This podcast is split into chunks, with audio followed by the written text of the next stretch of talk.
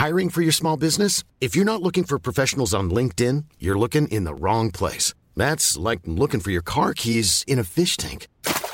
LinkedIn helps you hire professionals you can't find anywhere else, even those who aren't actively searching for a new job but might be open to the perfect role. In a given month, over 70% of LinkedIn users don't even visit other leading job sites. So start looking in the right place. With LinkedIn, you can hire professionals like a professional. Post your free job on linkedin.com slash people today.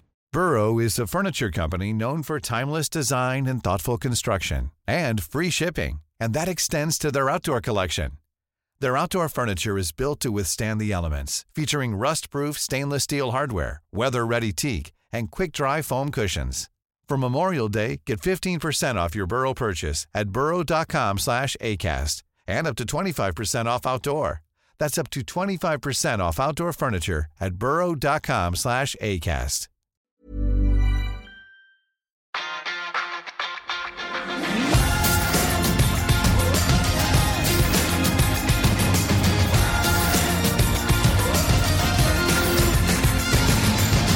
believe. Debatten om Erik Den Haag har tatt fyr for alvor. For å få et litt annet perspektiv på saken, så skal vi snakke med en av dem som har fulgt Den Haag tettest. Vi har med oss Elko Born, en nederlandsk eh, fotballjournalist som har fulgt både United og Den Hag. For å få svar på hvorfor Ten Hag ikke spiller den fotballen vi trodde han skulle gjøre, og hvorfor det har gått som det har uh, gått. Uh, welcome to the podcast, Elko. You know United well, and perhaps Ten Hag even better. Let's cut to the chase immediately. What's your thoughts about the mess that's been unraveling over the last couple of months at United? Yeah, it's uh, it's not too great. Uh, obviously, I think uh, last year after a bit of a difficult start, obviously, uh, things seem to be heading in uh, quite a good direction uh, for United.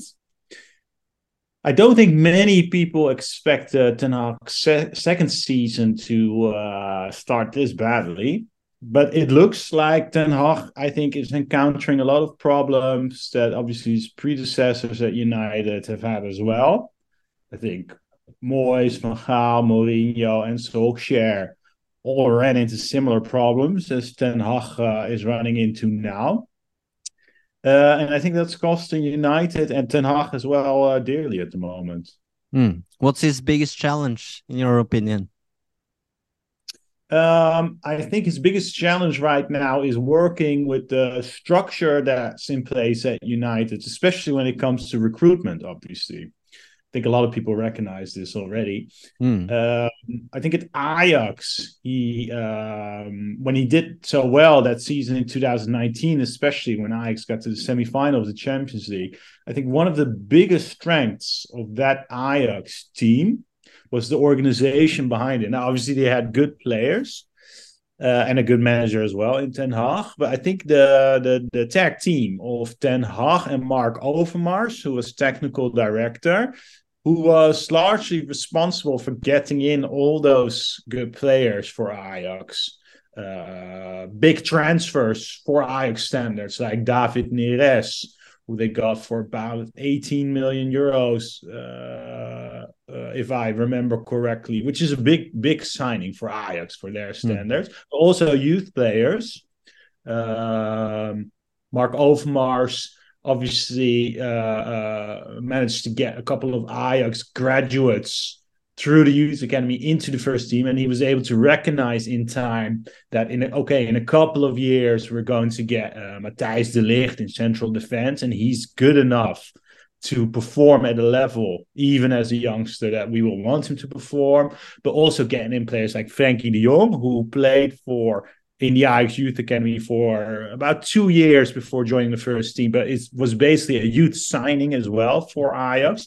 So I think Marc Overmars working together with Ten Hag. Now, remember, it was Overmars who got Ten Hag uh, to sign to join Ajax.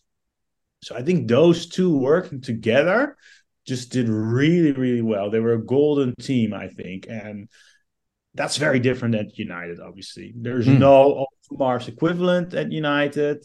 Recruitment, I think, uh, has been um, uh, largely the responsibility of Ten Hag, and uh, I don't think that's working out too well at the moment. So, do you think he will welcome the idea of Sir Jim Ratcliffe coming in and uh, establishing his kind of committee? Uh, do you think he he'll he'll welcome the idea of working with the likes of Sir Dave uh, Brailsford and, and Paul Mitchell, who's supposed to be among the candidates on in in such a group? That's difficult to say. I think I think he will welcome the idea of uh, a, a, more professional, technical football organization being put into place at United. Because I think right now we can say, well, we all recognize it, obviously, that when it comes to mm, football matters, technical matters, recruitment matters, things aren't well organized at United, and they haven't been under the Glazers at all, obviously. So I think Ten Hag will welcome a change in that. Obviously, it remains to be seen uh, whether the new uh, people in charge, you know, if and when that happens uh, in the football department, it remains to be seen how they will do. Obviously, mm. I hmm. think Overmars at Ajax, Marc Overmars was really good at his job uh, when it comes to making uh, signings, uh, the right signings for Ajax and doing business. Uh, and and and he just had a personal understanding with Ten Hag as well at Ajax. They knew each other from way back from uh, the Go Ahead Eagles time. That's a pretty small club in the Dutch uh, Dutch league, obviously. So they were they were friends. They were personal friends. They knew each other well. They worked really well together. You know, yeah, that uh, that got them pretty far at Ajax. Mm. So it remains to be seen what his working relationship will be with the new people uh, coming in, if and when that happens. But um, but the fact that a change will be made, I think that is something that Ten Hag will welcome with open arms. Mm. Do you know how Overmars and Ten Hag operated together? How did they work with?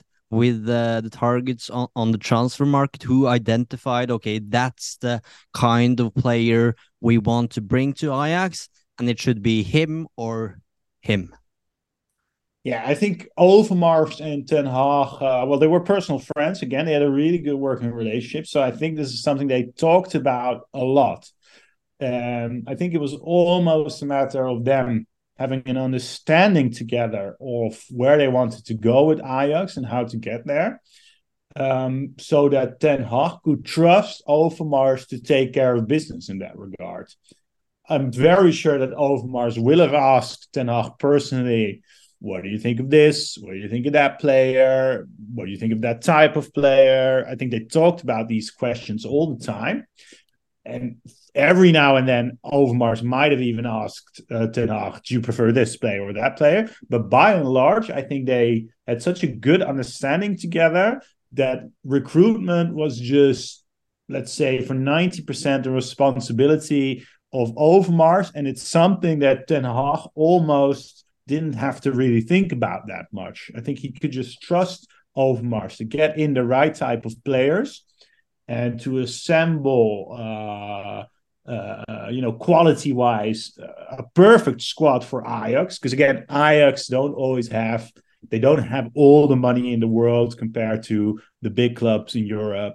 Um, they always have to deal with outgoing players who leave to bigger leagues and bigger contracts and bigger clubs.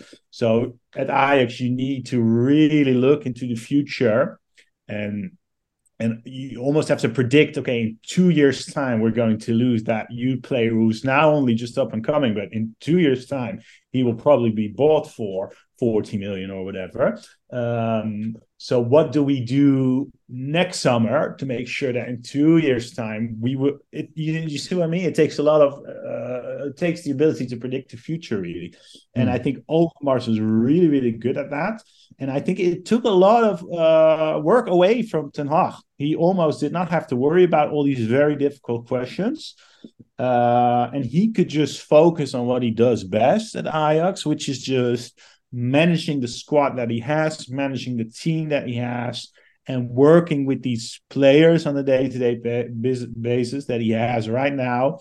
uh, uh, to get results. And, and, and it just made his job easier and it allowed him to focus on what he's good at, I think.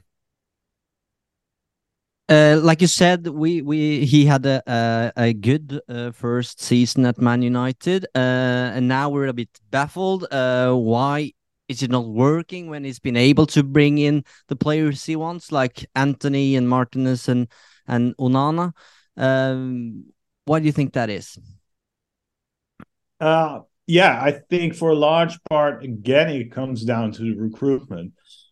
Because when we look at Ten Hag's uh, recruitment at United, and again, a lot of that responsibility came down to him. I think it's it almost looks like at United they said to Ten Hag, "Well, who do you want?" and uh, uh, and we'll sign him for you. And in a way, that that sounds like a good thing. That sounds like that's something that any manager would want, right?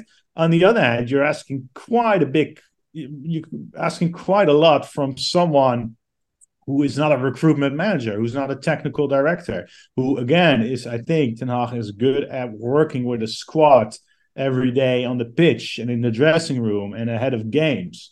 But he isn't necessarily someone who can make the best long-term signings for United. And I mm. think if we look at some of his signings, that again, it looks like a great thing to be asked, well, who do you want to sign? And we'll get him for you. Yeah, but yeah, I don't think he quite made the right decisions. Some of the decisions were good, by the way. Uh, I think, for example, Martinez was a great signing for United, uh, but others haven't worked out that well, and and that's definitely on Ten Hag. I think. I think he made a couple of incorrect calls in that regard. But again, if you look at his time at Ajax, for example, he wasn't. They they didn't ask him those questions. It's almost too much, especially at United, where there's a lot of pressure on the manager. Obviously, it has been since Sir Alex Ferguson left. On every new manager, there's just so, even more than at a regular big club. Mm. At any big club, there's a lot of pressure on the manager, but especially at Manchester United, I think. And you know they just don't really seem to have the right organization in place and they haven't had that organization for years so it's almost unfair to ask Ten Hag these questions uh, but United did ask those questions to Ten Hag and um, and he and, and he didn't always make the right calls in that uh, regard. So I think that is a large problem for United. Again some of the signings were good. Mm. some of the signings were good last year. But I think if we look at the bigger picture, long term wise, United haven't been building a future proof squad. They haven't been doing that for years. And it shows again, it showed at previous managers and it's shown again, I think. We were told uh, that Ten Hag would bring attractive football back to, to Old Trafford, at least some sort of hybrid, perhaps, of what he, he did at Ajax. Uh, today, it's rather difficult to see how he wants United to, to play. Uh, and he said the other day that United will never play like Ajax because this is a different club with a different group of players. Uh, do you think we will ever see, or will he be able to, to make United play like this modern, high pressing team that can entertain and crush weaker opponents as a club like United should be able to?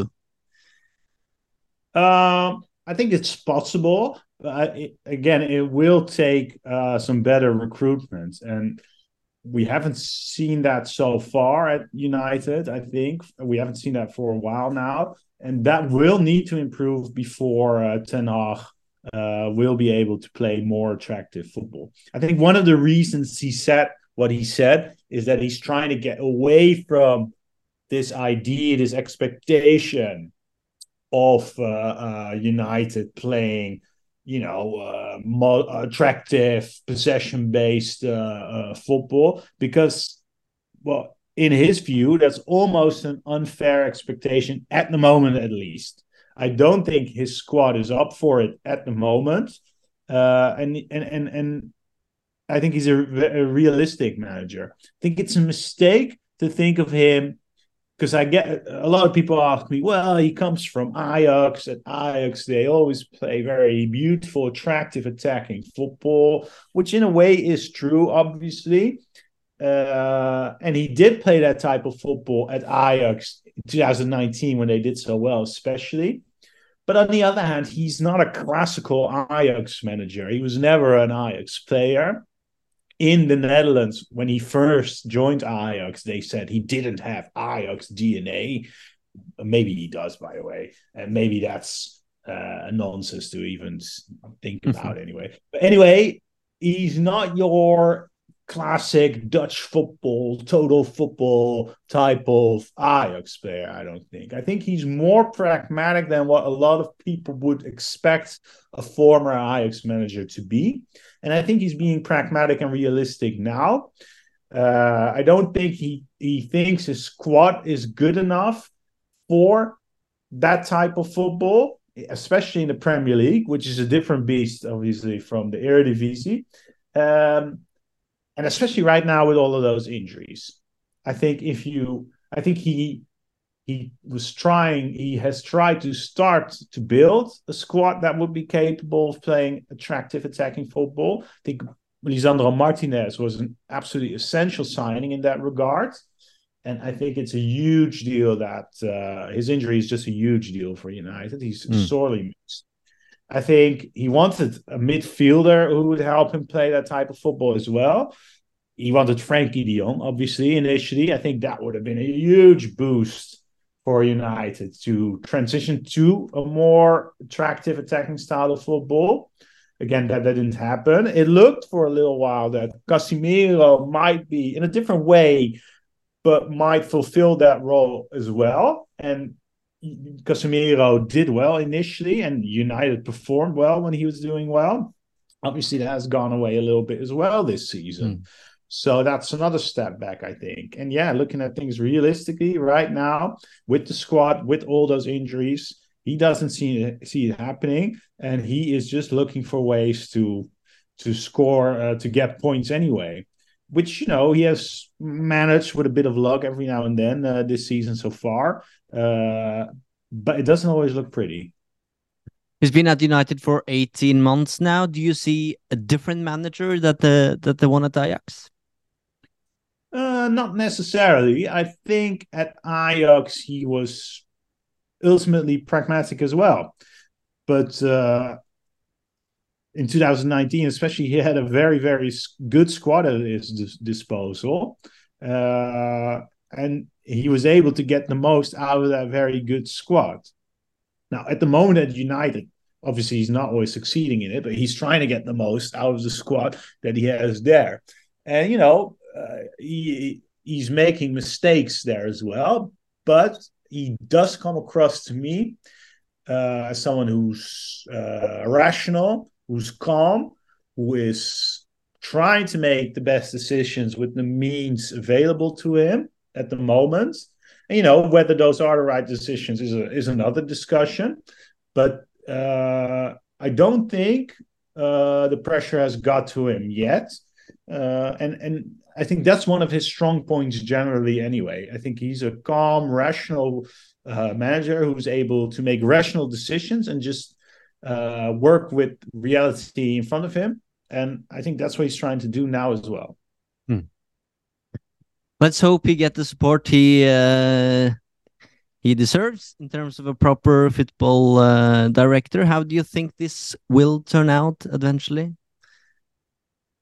It's very hard to say. Obviously, the ownership thing will have to um, will have to uh, develop first as well and you know what decisions will be made then i i can't i, I can't predict obviously. But yeah the whole ownership issue has been dragging along for quite a while now and it might for a while longer.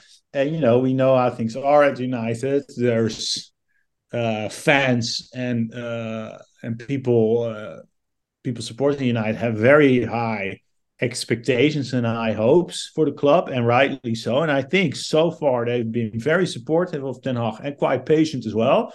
Um, but you know, at some point, and we might be feeling that a little bit already, uh, time will run out a little bit as well. And uh, we've seen that uh, with the previous managers as well, with Solskjaer at a certain point, with Mourinho, obviously, with Van Gaal as well.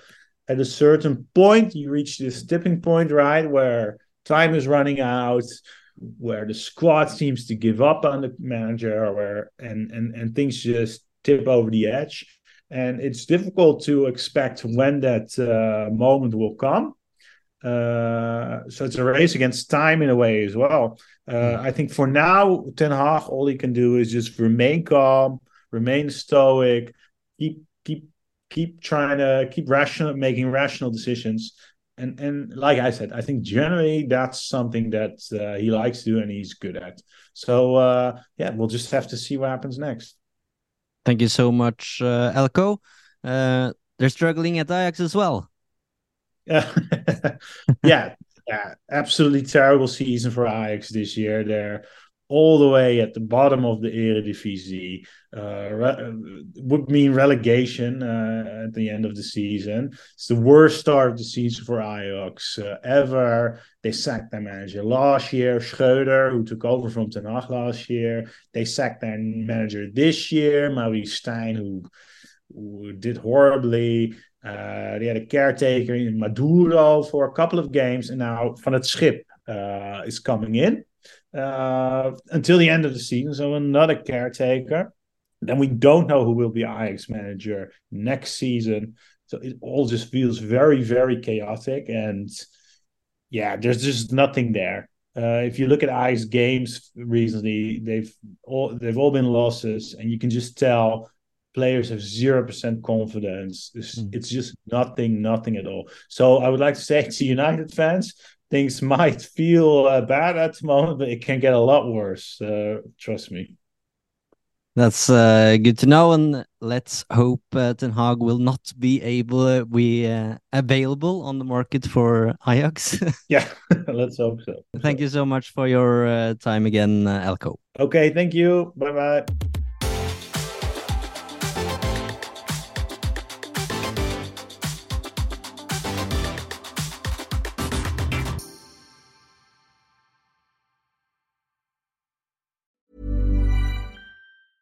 Even when we're on a budget, we still deserve nice things. Quince is a place to scoop up stunning high end goods for 50 to 80% less than similar brands. They have buttery soft cashmere sweaters starting at $50, luxurious Italian leather bags, and so much more. Plus, Quince only works with factories that use safe, ethical, and responsible manufacturing. Get the high-end goods you'll love without the high price tag with Quince. Go to quince.com/style for free shipping and 365-day returns.